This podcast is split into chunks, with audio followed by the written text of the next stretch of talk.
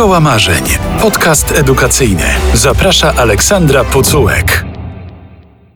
Dzień dobry w Szkole Marzeń na początku roku akademickiego, dlatego tym razem porozmawiamy o uczelniach i środowisku akademickim. Jest ze mną dr Joanna Gruba, prezes Fundacji Science Watch Polska. Dzień dobry. Dzień dobry, witam pani redaktor, witam państwa i bardzo serdecznie dziękuję za zaproszenie. Kawał drogi pani do nas jechała, także ja również dziękuję, że jest pani tutaj z nami. Przyjechała pani z Katowic, ale dzisiaj będziemy rozmawiać o sytuacji na uczelniach w całej Polsce. Zaczął nam się rok akademicki. Rektorzy podczas inauguracji nie ukrywali, że jest to rok jeden z trudniejszych od lat. Wymieniali szereg wyzwań podczas swoich przemówień. Głównie były to wielomilionowe opłaty za ogrzewanie, prąd i brak pieniędzy na te wszystkie koszta. A Pani zdaniem, jakie największe trudności stoją przed środowiskiem akademickim w tym roku, czy może są to trudności ponadczasowe? Ponieważ zajmuję się fundacją, która stara się pomagać ludziom pokrzywdzonym e, w środowisku naukowym, zaczęłabym może od powiedzenia kilku słów na temat patologii akademickich. Jadąc tutaj, tak jak pani wspomniała, z dosyć daleka i analizując sobie wywiady, które udzieliłam już na temat patologii akademickich, doszłam do takiego wrażenia, że mamy tutaj do czynienia z dwoma generalnie przeciwstawnymi słowami: patologia i akademia. Mówiąc o patologii, Mamy na myśli dziedzinę nauki, przede wszystkim dziedzinę medycyny, zajmującą się chorobami. Ale patologia dotyczy też zjawisk społecznych, nieprawidłowości w środowisku społecznym, nieprawidłowości dotyczącą czy to jednostek, czy to grup społecznych i polega przede wszystkim na czym? Na przestępczości. Polega na alkoholizmie, na dewiacjach seksualnych, na narkomanii, prawda? Natomiast mówiąc o uczelni, mamy przede wszystkim na myśli co? Wysoką kulturę osobistą, wysoki poziom wykształcenia, profesjonalizm, kreatywność, wrażliwość. Także e, mówiąc o uczelni, mówimy o jakiejś dumie, prawda? Mówimy o tym, że jesteśmy dumni z powodu tego, że skończyliśmy jakąś uczelnię, jesteśmy dumni z tego, że mamy osiągnięcia naukowe. Tytuł ale, naukowy. Tak, tytuł naukowy. Powinniśmy być dumni z tego, że pracujemy na uczelni. Ale proszę zwrócić jeszcze uwagę na co? Na zwyczaje panujące na uczelni. Proszę popatrzeć, wyobrazić sobie takiego rektora, właśnie tego, który przemawiał. I co widzimy? Widzimy poważnego, zazwyczaj sędziwego Starszego, pana siwego. E, w mhm. czerwonej todze z kołnierzem z Soboli, z berłem, który utożsamia powagę, prestiż, dostojeństwo, wiedzę i mądrość. Natomiast teraz proszę sobie zostawić te dwa słowa. Patologia na uczelni. Ja uważam, że doczekaliśmy się nowego oksymoronu, czy paradoksu językowego, prawda? Patologia na uczelni to w ogóle nie powinno istnieć, takie Ale istnieje. To nie jest Ale... tylko język i tak. to nie jest tylko takie sformułowanie, tak. które istnieje w języku, tak, tylko to jest tak. rzeczywistość. Tylko to jest e, e, rzeczywistość. Ja myślę, jakie te patologie? Ja myślę, że te patologie, one istniały zawsze, tylko niestety one w tym środowisku, które powinno być postrzegane jako takie środowisko kryształowe, ten temat był tematem tabu. To nie wychodziło poza pewne drzwi. Tym bardziej, że profesor jest jednym z bardziej poważanych stanowisk wśród społeczeństwa, prawda? Profesor jest zaraz za strażakiem i zawodami medycznymi. Profesor jest jednym z takich zawodów najbardziej prestiżowych, a zatem patologie na uczelni generalnie nie powinny mieć miejsca, a tych patologii jest mnóstwo. Patologie generalnie są dosyć dobrze sklasyfikowane ogólnie społeczeństwie, mhm. bo one występują wszędzie, prawda? Mobbing, przemoc. Generalnie występuje też w innych grupach zawodowych, nie tylko w, w społeczeństwie naukowców o tym, że mamy przemoc seksualną na uczelniach, o tym wiemy, głównie z doniesień prasowych, z, głównie z bardzo odważnych postępowań, szczególnie studentek i doktorantek, które nagłaśniają te zjawiska związane z seksualnością na uczelni. Przemoc fizyczna. Czy istnieje przemoc fizyczna w środowisku akademickim? Myślę, że tak, chociaż proszę pamiętać, że naukowcy są ludźmi wykształconymi. Bardzo rzadko dochodzi tam do jakichś rękoczynów rękoczynów, chociaż znane są mi też takie przypadki rękoczynów, gdzie przełożony rzucał książkami, przedmiotami z biurka za swoją podwładną. Tak, w obecności studentów. To jest jeden przypadek, który do mnie trafił jako do fundacji, natomiast takie przypadki też są. Natomiast przemoc psychiczna jest, myślę, wszechogarniająca i bardzo trudno wykrywalna, szczególnie wśród pracowników tego wyższego szczebla. Mhm. Jakie to są sytuacje? Ta e, przemoc psychiczna w środowisku naukowym, ona bardzo często jest wykonywana w taki mocno wyrafinowany sposób, taki bardzo subtelny. Bardzo często mówimy o tym, że jest to przemoc wykonywana w białych rękawiczkach, a moberzy, moberzy czy przemocowcy nie ponoszą żadnej odpowiedzialności. I tutaj właśnie dam Pani przykład. Niedawno trafiła do nas pani, którą podstępem zwabiono do dziekanatu. Pretekstem było uzupełnienie dokumentów e, jakichś uczelnianych. Zamknięto panią w dziekanacie, trzymano ją przez ponad godzinę, po czym wręczono jej wypowiedzenie z pracy. No w takim szoku pani oczywiście to wypowiedzenie z pracy podpisała. Sprawa cały czas jest w sądzie, my tutaj panią bardzo mocno wspieramy, to jest pani doktor. I powiem pani, że może nawet nie byłoby w tym nic szokującego, gdyby nie to, że cała sprawa dzieje się na Uniwersytecie Medycznym w środowisku lekarzy, w środowisku, które powinno być szczególnie empatyczne i wrażliwe na krzywdę Akurat ludzką. dobrze znam to środowisko, więc wydaje mi się, że to Tak. tutaj też te oksymorony dobrze działają. Tak. Całe mnóstwo innych przykładów, które są, występują też, myślę, w innych środowiskach, bo na przykład przydzielanie obowiązków powyżej możliwości, powyżej kompetencji, tylko po to, żeby udowodnić osobie, że jest nieudacznikiem, tak, że jest niekompetentny. No proszę sobie wyobrazić, że środowisko czy współpracownicy odsuwają się od takiej osoby, której udowodniono niekompetencję. Zaczynają ją postrzegać jako nieudacznika, a osoba pozostaje z niewyobrażalnym problemem. Ale są też takie patologie, które myślę, że są patologiami typowo uczelnianymi, które nie występują w innych środowiskach. E, No I na właśnie, przykład jakie? będzie to cały czas przydzielanie nowych wykładów, nowych zajęć. Proszę sobie wyobrazić, że jeżeli przydzielono by pani nowy wykład, to co pani robi? Uczy się pani do tego wykładu, żeby sprostać wymaganiom studentów. Uczy się pani do ćwiczeń, a po pół roku okazuje się, że wykład został pani odebrany. Nie ma w tym czasie pani czasu na czytanie literatury zgodnej z zainteresowaniami, na publikowanie wyników badań, na prowadzenie wyników badań, tylko pani praca cały czas toczy się wokół przygotowania nowego przedmiotu, na który poświęca pani wolny czas kosztem rodziny, urlopu, kosztem wakacji, żeby 1 października przyjść przygotowanym na zajęcia, po czym okazuje się, że przedmiot został pani odebrany. I to są naprawdę nagminne przykłady. A z jakiego powodu odbierają te wykłady? Żeby nie było czasu na przygotowywanie się zgodne z kierunkowymi zainteresowaniami. Czyli po prostu angażujemy czas osoby w zupełnie innym kierunku, ale inny przykład, taki, który jest związany również, e, myślę, typowo ze środowiskiem akademickim, odmowa finansowania. Pracownik naukowy musi publikować. Musi publikować książki, a jeżeli takiemu pracownikowi naukowemu odmówią finansowania, kierownictwo odmówi finansowania książki, no to chcąc mieć dorobek naukowy, co robi? Bardzo często wykłada pieniądze z własnej kieszeni. A publikacje książki tylko w kilkudziesięciu egzemplarzach to są koszty około 20 tysięcy. I z własnej kieszeni musimy pokrywać, chcąc osiągać kolejne stopnie awansu naukowego. No, niestety te książki trzeba publikować. Odmowa wyjazdu na konferencję. No znowuż kolejny problem, który dotyczy środowiska naukowego.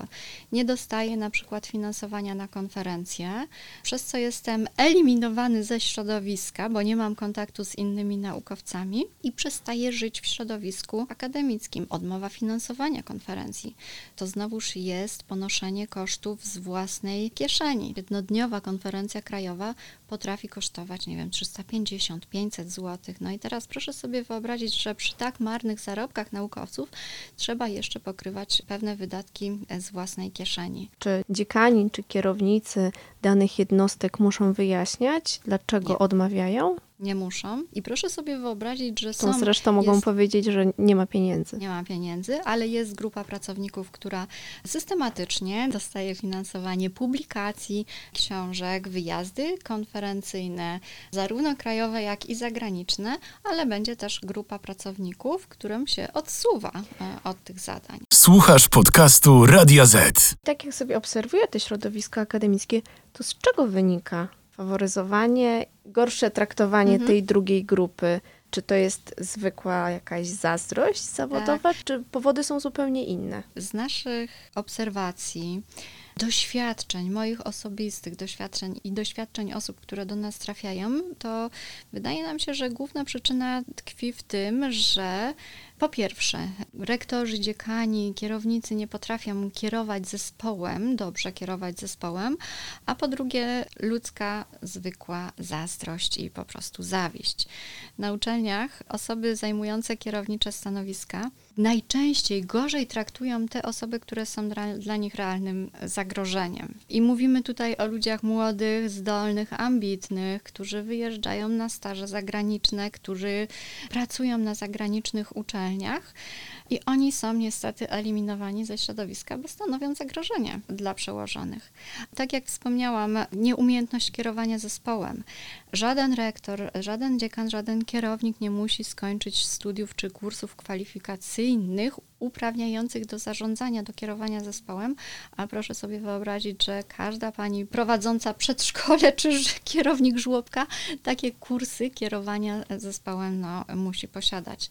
Także są osoby, które są doceniane w świecie, natomiast nie są doceniane na naszym rodzimym e, krajowym podwórku. Reforma Gowina, teraz weszła nowa mm, reforma, znaczy może nie teraz, w 2018 roku.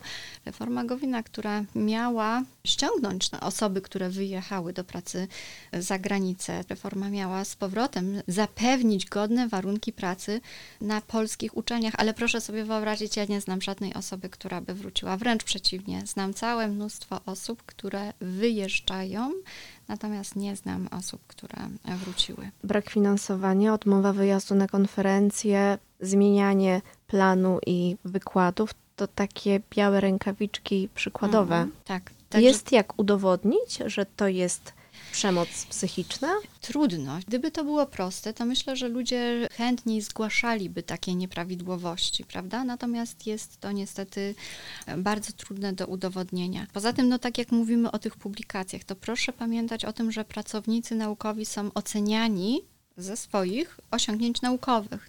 Każdy pracownik naukowy po dwóch, po czterech latach jest oceniany z tego, co zrobił, napisał, przebadał, opublikował, na ilu był konferencjach, prawda? To jest standardowa procedura na uczelni. No i teraz, jeżeli pracownik naukowy nie dostaje możliwości wyjazdów, nie dostaje możliwości publikacji i cały czas dostaje nowe przedmioty, na które musi poświęcać czas, żeby się do nich przygotować, to on nie ma osiągnięć naukowych. Więc tej ocenie okresowej naukowca dostaje negatywną ocenę. Bo nie ma osiągnięć naukowych. A druga negatywna ocena to jest usunięcie pracownika z uczelni. Pani Wyobrażam sobie tę frustrację młodego naukowca, zwłaszcza młodego, ambitnego naukowca, który chce się rozwijać, a dostaje wielki znak stop. Tak, no ale widzimy to już niestety teraz na uczelniach, gdzie nagle prawdopodobnie wpadniemy w taką dziurę pokoleniową. Młodzi, zdolni ludzie odchodzą z uczelni, nie ma kto wypełnić tutaj tej luki pokoleniowej. O przemocy psychicznej, fizycznej też bardzo dużo mówiliśmy półtora roku temu. Burza przez uczelnie artystyczne przeszła. Zaczęło się od szkoły filmowej, ale Tak. potem pojawiały się oświadczenia kolejnych studentów z kolejnych miast, z kolejnych uczelni artystycznych o tym, jak byli niszczeni psychicznie przez swoich wykładowców. I wtedy, kiedy tak śledziłam te doniesienia, zwłaszcza ze szkoły filmowej, pomyślałam sobie, że to na pewno nie dotyczy tylko uczelni artystycznych. Tak, ja myślę, że tutaj ogromna chwała za to e, studentom czy studentkom uczelni artystycznych, że nagłośnili mobbing. Natomiast jestem przekonana, że dotyczy to wszystkich uczelni. Oprócz tego, że jest bardzo źle na uczelniach artystycznych, to jeszcze przychodzą mi na myśl uczelnie katolickie. O co chodzi z uczelniami katolickimi? Wieszanie swastyk na drzwiach wykładowców. Czyli tam takie mocne nastroje religijne i antyreligijne Anty- się takie- zdarzają. Takie, takie właśnie. Jest ośrodek akademicki, jest jakieś miejsce, gdzie jest najlepiej? Może troszkę, chociaż może nie, tak pomyślałam o uczelniach technicznych, gdzie wszystko jest do obliczenia. Natomiast myślę, że, że na uczelniach technicznych też znalazłyby się takie przypadki. To, to nie jest tak, że na uczelniach jest bardzo silny poziom zależności, jest ten mentor, jest ten profesor, jest ten wyższy stopień i stąd się biorą te patologie? Tak, tutaj istnieje ogromna zależność, taka podwładność, prawda? Czyli mamy tutaj taki wymóg posłuszeństwa przez przełożonych, głównie przez samodzielnych pracowników nauki, którzy wymagają bezwzględnego poparcia. Ci samodzielni pracownicy nauki bardzo rzadko przyznają się do błędu. Nawet jak błędy popełniają, to oni do tego błędu się nie przyznają.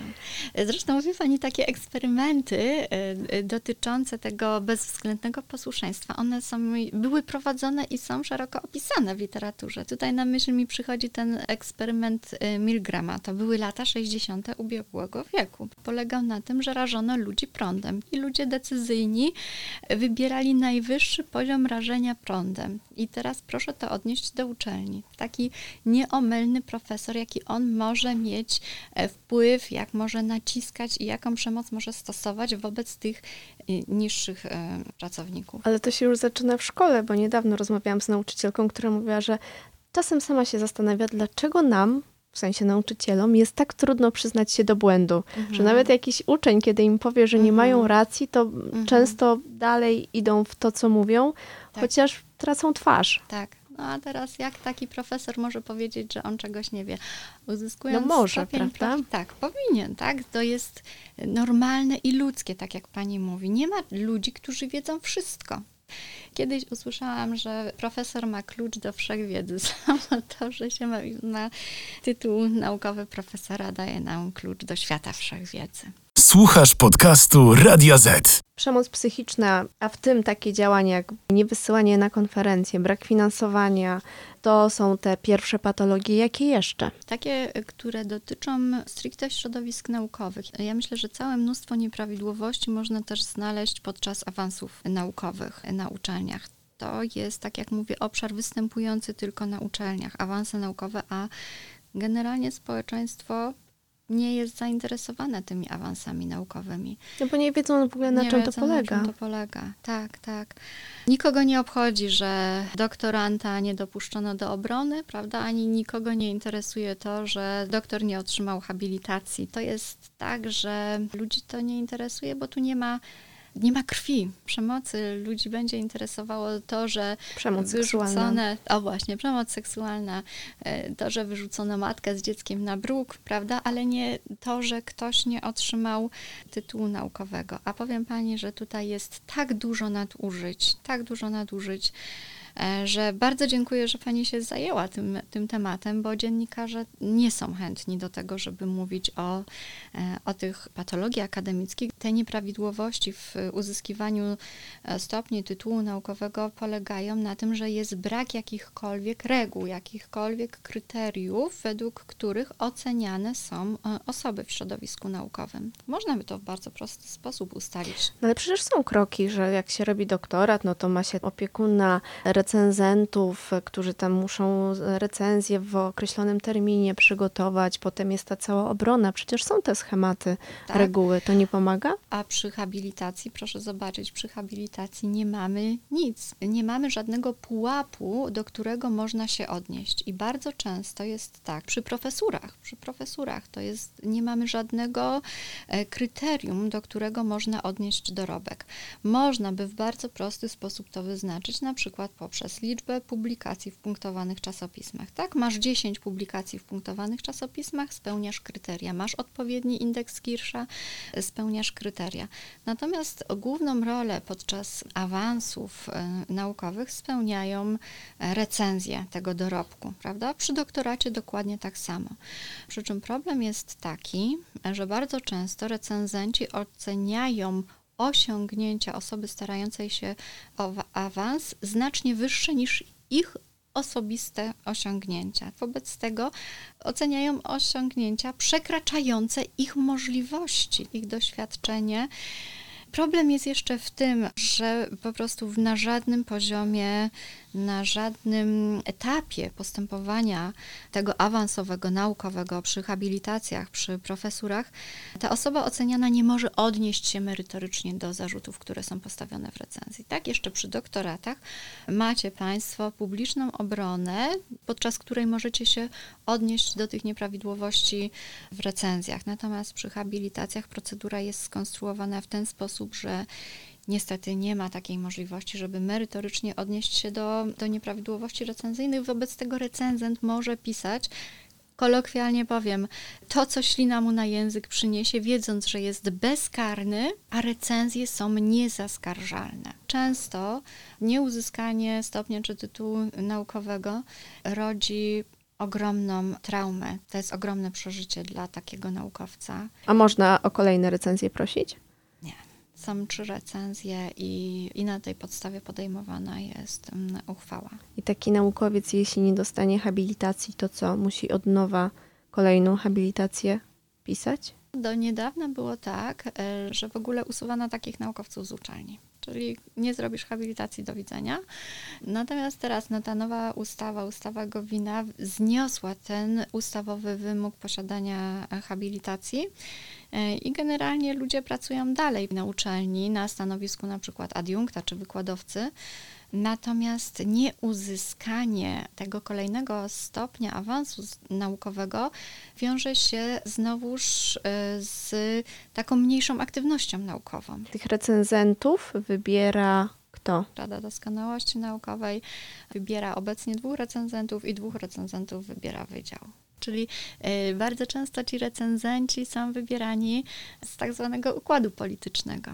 A jak się ma habilitację spoza układu, to to trudno, jeżeli już się uzyskało ten stopień e, doktora habilitowanego, ale jest się dalej spoza układu, to dalej jest niestety bardzo ciężko. Dlaczego? Dlatego, że taki naukowiec e, mimo wszystko jest pozbawiany na przykład możliwości prowadzenia doktoratów, doktorantów. Tak? Doktoranci są potrzebni do, do pracy naukowej, do, do osiągnięć, do dorobku. Taki naukowiec nie dostaje do recenzowania prac, nie uczestniczy w posiedzeniach różnego rodzaju ciał, komisji, nie dostaje grantów, nie jest kierownikiem grantów, więc znowuż proszę sobie wyobrazić, że on jest spychany gdzieś na bok tego środowiska Dużo konsekwencji. Tak? Czy takie osoby mają się do kogo zgłosić? Na uczelni. Jeżeli chodzi o awanse naukowe, to pozostaje tutaj procedura administracyjna, czyli sądy administracyjne. Najpierw Rada Doskonałości Naukowej, a następnie procedura administracyjna. Przy czym ja wracam do tych recenzji, które są jak gdyby podstawą, podłożem uzyskania bądź nieuzyskania stopnia czy tytułu naukowego. Sąd nigdy nie odniesie się do recenzji, tylko do formalnych błędów, które no, środowisko już wyszkolone wie, jak ich nie popełniać, tych błędów formalnych. Także myślę, że to są osoby, które są postawione na straconej pozycji. Słyszymy, że na uczelniach działają takie zespoły do spraw antymobbingowych, mm. przeciwdziałania e, przemocy. Jak takie zespoły, jak takie grupy działają i czy w ogóle działają? Ja myślę, że działają, dlatego że ustawa prowadza to, że powinny działać komisje dyscyplinarne, powinien być mediator powołany na uczelni. Poza tym prawo pracy, kodeks pracy wprowadził e, wewnętrzną politykę antymobbingową, prawda? 2004 rok bodajże. Generalnie uczelnie powinny powoływać komisje antymobbingowe. Natomiast robiliśmy jakieś dwa lata temu jako fundacja taki sondaż diagnostyczny, czy faktycznie uczelnie powołały komisje antymobbingowe, czy wprowadziły tą wewnętrzną e, politykę antymobbingową. Okazuje się, że ponad 20% uczelni nie wprowadziło takich, takiej wewnętrznej polityki antymobbingowej. Natomiast komisje dyscyplinarne tak, jak najbardziej działają. No nawet jeżeli te ciała są, no to pamiętam ze szkoły filmowej, przecież działał już taki zespół, Mhm. a takie sytuacje cały czas się zdarzały. Więc Tak, pytanie, czy nie ufamy takim grupom? Czy to jest aż taki wewnętrzny strach, Strach. żeby mówić o tym na głos? O co Mhm. chodzi? Czy No zgłaszamy, a te zespoły nie działają? Zespół musi podjąć działanie, czyli zgłaszając sprawę do komisji dyscyplinarnej, komisja dyscyplinarna musi rozpocząć y, działanie takim postępowaniem wyjaśniającym. I na tym etapie już można sprawę albo odrzucić, albo przekazać ją do dalszego rozpatrywania. Uczelniane komisje dyscyplinarne przewidują aż 8 rodzajów kar, od upomnienia aż poprzez wydalenie z uczelni z zakazem wykonywania zawodu przez okres 10 lat.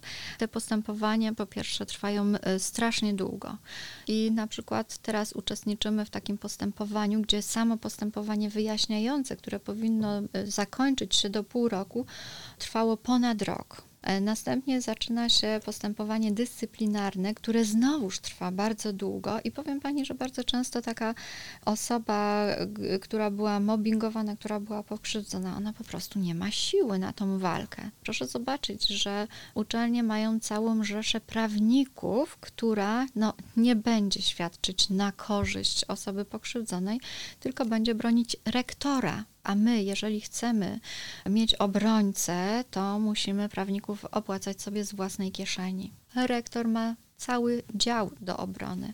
Po prostu nieraz wydaje mi się, że stajemy tak jak w procesie kawki, prawda, przed taką e, ścianą, przed takim murem e, z betonu i, i jesteśmy bezradni. I muszę wspomnieć też o przypadku jednego profesora z Uniwersytetu Medycznego, który stanął przeciwko środowisku akademickiemu i okazało się, że nie może znaleźć lekarza. Dlaczego? Dlatego, że szpitale w danym mieście są szpitalami klinicznymi, szpitalami akademickimi. A zatem wystąpienie przeciwko rektorowi, przeciwko środowisku akademickiemu równocześnie eliminowało go z opieki medycznej. Tam też jakąś patologię zgłosił, jakąś nieprawidłowość. Tak, tak. Ale mm, myślę, że takim głównym powodem, dla którego e, osoby nie odważają się zgłosić tych nieprawidłowości do, do komisji, które, tak jak powiedziałyśmy, są na uczelniach, są komisje antymobbingowe, są komisje dyscyplinarne, to jest po prostu strach. Ludzie wolą cierpieć i milczeć, niż przeciwstawić się e, swojemu przełożonemu. Dlaczego? No bo nie dostaną grantu, bo nie dostaną możliwości awansu, więc rzadko kto przeciwstawi się przełożonemu. Poza tym proszę pamiętać znowuż, nie mamy osiągnięć naukowych, dwie negatywne oceny powodują zwolnienie z pracy. A nikt w dzisiejszych czasach nie pozwoli sobie na zwolnienie z pracy. Mamy kredyty, mamy rodziny, prawda?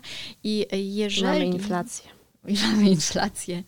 Jeżeli mamy do czynienia z wybitnym inżynierem, to taki inżynier znajdzie pracę w przemyśle. Ale mamy też całe mnóstwo bardzo e, wąskich specjalizacji na uczelni, prawda? Już teraz wymyślam jakiś język starocerkiewnosłowiański. No gdzie taki naukowiec znajdzie pracę poza uczelnią? Tutaj też zdarzają się bardzo tragiczne zdarzenia. Ja sama znałam takiego mm, doktora, któremu nie e, nadano stopnia doktora habilitowanego, zwolniono go z pracy, a ponieważ pan miał troje małych dzieci, wyjechał do pracy fizycznej do Niemiec. No nie po to się kształcimy tutaj, żeby potem pracować w Niemczech fizycznie. Sytuacja była o tyle tragiczna, że ten pan dostał zawału, no i po prostu ucierpiała cała rodzina. Słuchasz podcastu Radia Z. Na jakich szczeblach dochodzi do tych nieprawidłowości? Na każdym etapie znajdziemy jakieś nieprawidłowości. Wielokrotnie wspominani już podczas naszej rozmowy studenci, doktoranci, ale też i doktorzy, osoby po doktoracie.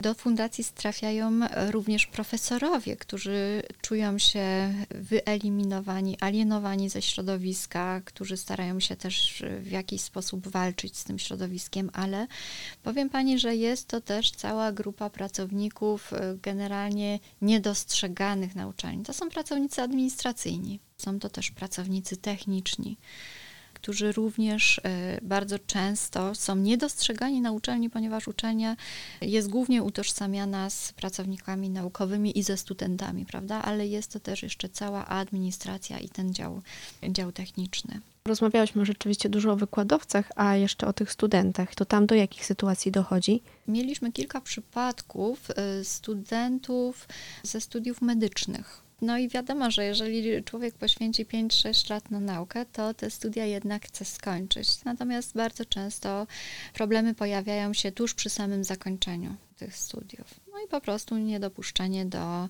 egzaminów, niedopuszczenie do obrony. I taki student znowuż staje przed taką ścianą z betonu, bo komu ma zgłosić dziekanowi, rektorowi, rektor dziekan nie stanie po stronie studenta, tylko stanie po stronie pracownika. I taki student nie za bardzo ma możliwości tutaj obrony. To środowisko chyba jest najgorsze, mam wrażenie, z możliwych. To dopisywanie do... Dopisywanie tak, do że, że jeden profesor się do mnie zgłosił, e, lekarz. Zawsze podpisywał dyrektora, nie chciał go podpisać i teraz ten dyrektor chce go coś tam zwolnić. Ale mówię, ale dlaczego pan profesor dopisywał zawsze tego dyrektora.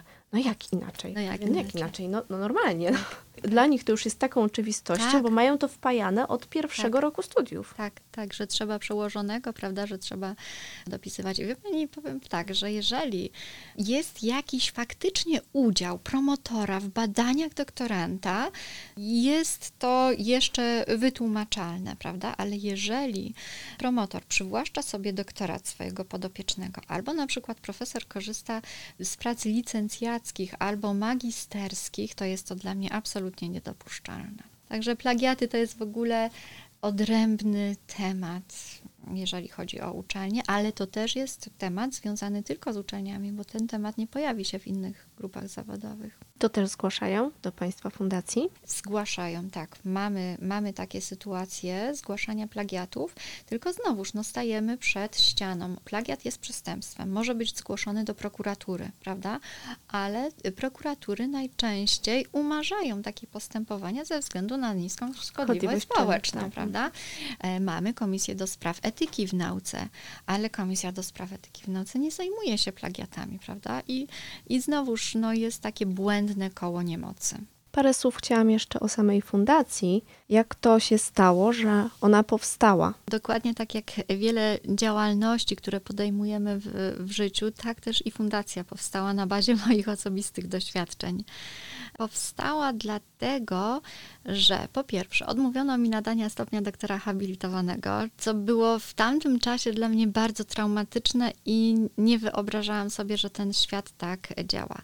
Dostałam negatywne recenzje, a ponieważ nie mogłam się odnieść nigdzie, na żadnym etapie postępowania do nieprawidłowości, które były ewidentnymi kłamstwami w tej recenzji, mąż zachęcił mnie do tego, żeby założyć stronę internetową i opublikować odpowiedzi na recenzje, prawda? Żeby pokazać, że to nie ja jestem tak niedouczona, tylko niestety, ale recenzje przedstawiają mój dorobek w sposób kłamliwy. Opublikowałam tę stronę odpowiedzi na recenzję na stronie internetowej i w tamtym czasie ja myślałam, że jestem jedyną osobą w całym wszechświecie, którą spotkała tak, takie nieszczęście. Dokładnie tak. Ale kiedy opublikowałam te odpowiedzi na stronie, proszę sobie wyobrazić, że zaczęło się do mnie zgłaszać mnóstwo osób z tym samym problemem. I pomyślałam sobie, rany, ja nie jestem sama, tylko ja po prostu nie miałam wcześniej kontaktu z takimi osobami. I osób, e, które są nieuczciwie potraktowane w środowisku naukowym jest całe mnóstwo, tylko my po prostu nie mamy między sobą kontaktu. I właśnie dlatego powstała fundacja, żeby móc kontaktować ze sobą osoby o podobnym rodzaju problemów. Ale kiedy zaczęło się zgłaszać do mnie coraz więcej osób, okazało się, że jest mi potrzebne wsparcie prawne i to wsparcie prawne mamy zapewnione w fundacji. Mamy prawników, którzy pracują na zasadzie wolontariatu, na zasadzie takiej współpracy społecznej, więc jeżeli trafiają się do nas naukowcy, którzy potrzebują pomocy prawnej, to kierujemy do, do naszych prawników, ale mamy też doskonałych psychoterapeutów, którzy świadczą taką pomoc psychoterapeutyczną osobom, które są w kryzysie, które przeżywają traumę. Także, Czyli także... naprawdę bardzo trudno trudne życiowo sytuacje. Tak. Także mamy specjalistów tutaj w, w, tym zakresie. Zdradzę, że jak wchodziłyśmy do studia, to mówiła Pani, że zatrzęsienie spraw i zgłoszeń do fundacji, więc praca rzeczywiście jest i fundacja rzeczywiście potrzebna. Tak, tak, myślę. Cały czas zgłaszają się też e, do nas osoby, które chcą z nami współpracować, nie tylko osoby pokrzywdzone, prawda? Ale jest też dosyć dużo osób ze środowiska, które współpracują z nami. Ja mówię, to jest działalność społeczna na zasadzie e, wolontariatu, ale mamy panią, która zajmuje się sprawami doktorantów i musimy po prostu iść w, taki, w kierunku takich specjalizacji, prawda? Czyli doktoraty, mobbing, awanse naukowe, bo jedna osoba osoba nie jest w stanie ogarnąć tak szerokiego wachlarzu spraw. Państwo przygotowują mapę mobbingu. Gdzie i dlaczego to zjawisko jest najbardziej nasilone? Czy możemy mhm. już zdradzić trochę wyników tego projektu?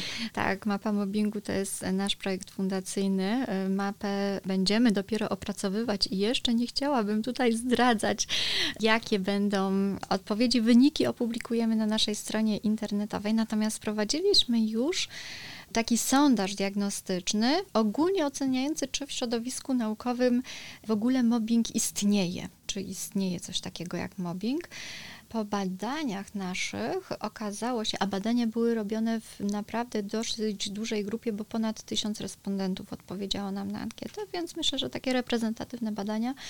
I po tych badaniach okazało się, że ponad 73% naukowców stwierdza, że nie czuje się traktowane z należytym szacunkiem, a 65% osób przyznało, że doświadczyło mobbingu ze strony przełożonych. To nie są jednostki, to, to nie ogromne jest 3%, liczby. tak? To jest 65% naukowców.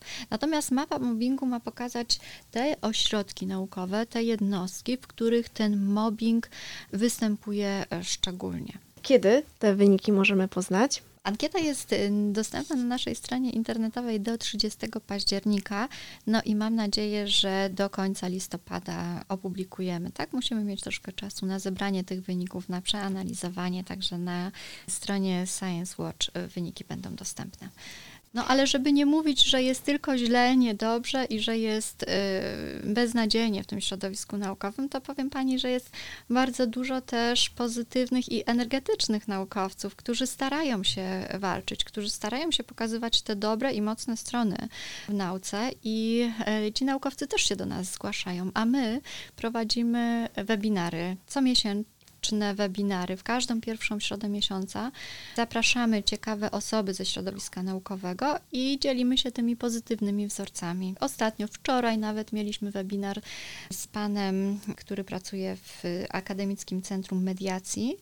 Pan nam przedstawił, jak prowadzić mediację, jak łagodzić konflikty na uczelni, prawda, żebyśmy sami też mieli pojęcie, jak, jak załatwiać takie sprawy nawiązując do tytułu podcastu, bo trochę pozytywów i tych marzeń musi być to co zrobić, żeby tych sytuacji było jak najmniej? No, aż taką optymistką nie jestem, że nie będzie ich w ogóle, ale żeby zminimalizować te wszystkie nieprawidłowości i patologiczne sytuacje. Może nagłaśniać te sytuacje, prawda? Bo proszę zobaczyć te um, panie, te studentki, doktorantki, które nagłośniły problem tej seksualności na uczelni. Być może to w zahamuje, filmowej, tak? tak? Może to zahamuje taką falę, czyli kolejne kolejne osoby może się powstrzymają, no bo problem już wypłynął. Z drugiej strony, no przypomina mi się sytuacja z Uniwersytetu Warszawskiego, bardzo znany profesor, tak, dramatyczne tak. historie przemocy psychicznej, mhm. seksualnej i w zasadzie profesor na urlopie, zwolniony, tak. ale chyba nawet niedyscyplinarnie. Tak, tak, też taka niezałatwiona Cisza w uczelni. Sprawa. To jest bardzo trudne pytanie, bo gdybyśmy znali rozwiązanie, to pewnie do takich patologii, do takich sytuacji by na uczelniach nie dochodziło, prawda? A tutaj mm, zawsze mówię, że kropla drąży skałę. Powolutku, tak, że kropla drąży skałę nie swoją mocą, ale tą częstością, z jaką spada. Więc im więcej osób odważy się mówić o tych problemach, tym myślę, że będzie coraz mniej następców tych moberów i tych osób czyli życzymy odwagi i siły na ten nowy rok akademicki i nie tylko na ten nowy rok akademicki. Pięknie dziękuję za rozmowę i za te wszystkie opowieści i przykłady. Dziękuję bardzo. Za chwilę słyszymy się w kolejnym podcaście Szkoła Marzeń. Już serdecznie zapraszam na kolejny odcinek, a więcej naszych podcastów można znaleźć na player Radio ZPL i Spotify. Do usłyszenia. Szkoła Marzeń. Podcast edukacyjny. Więcej podcastów na player radioz.pl.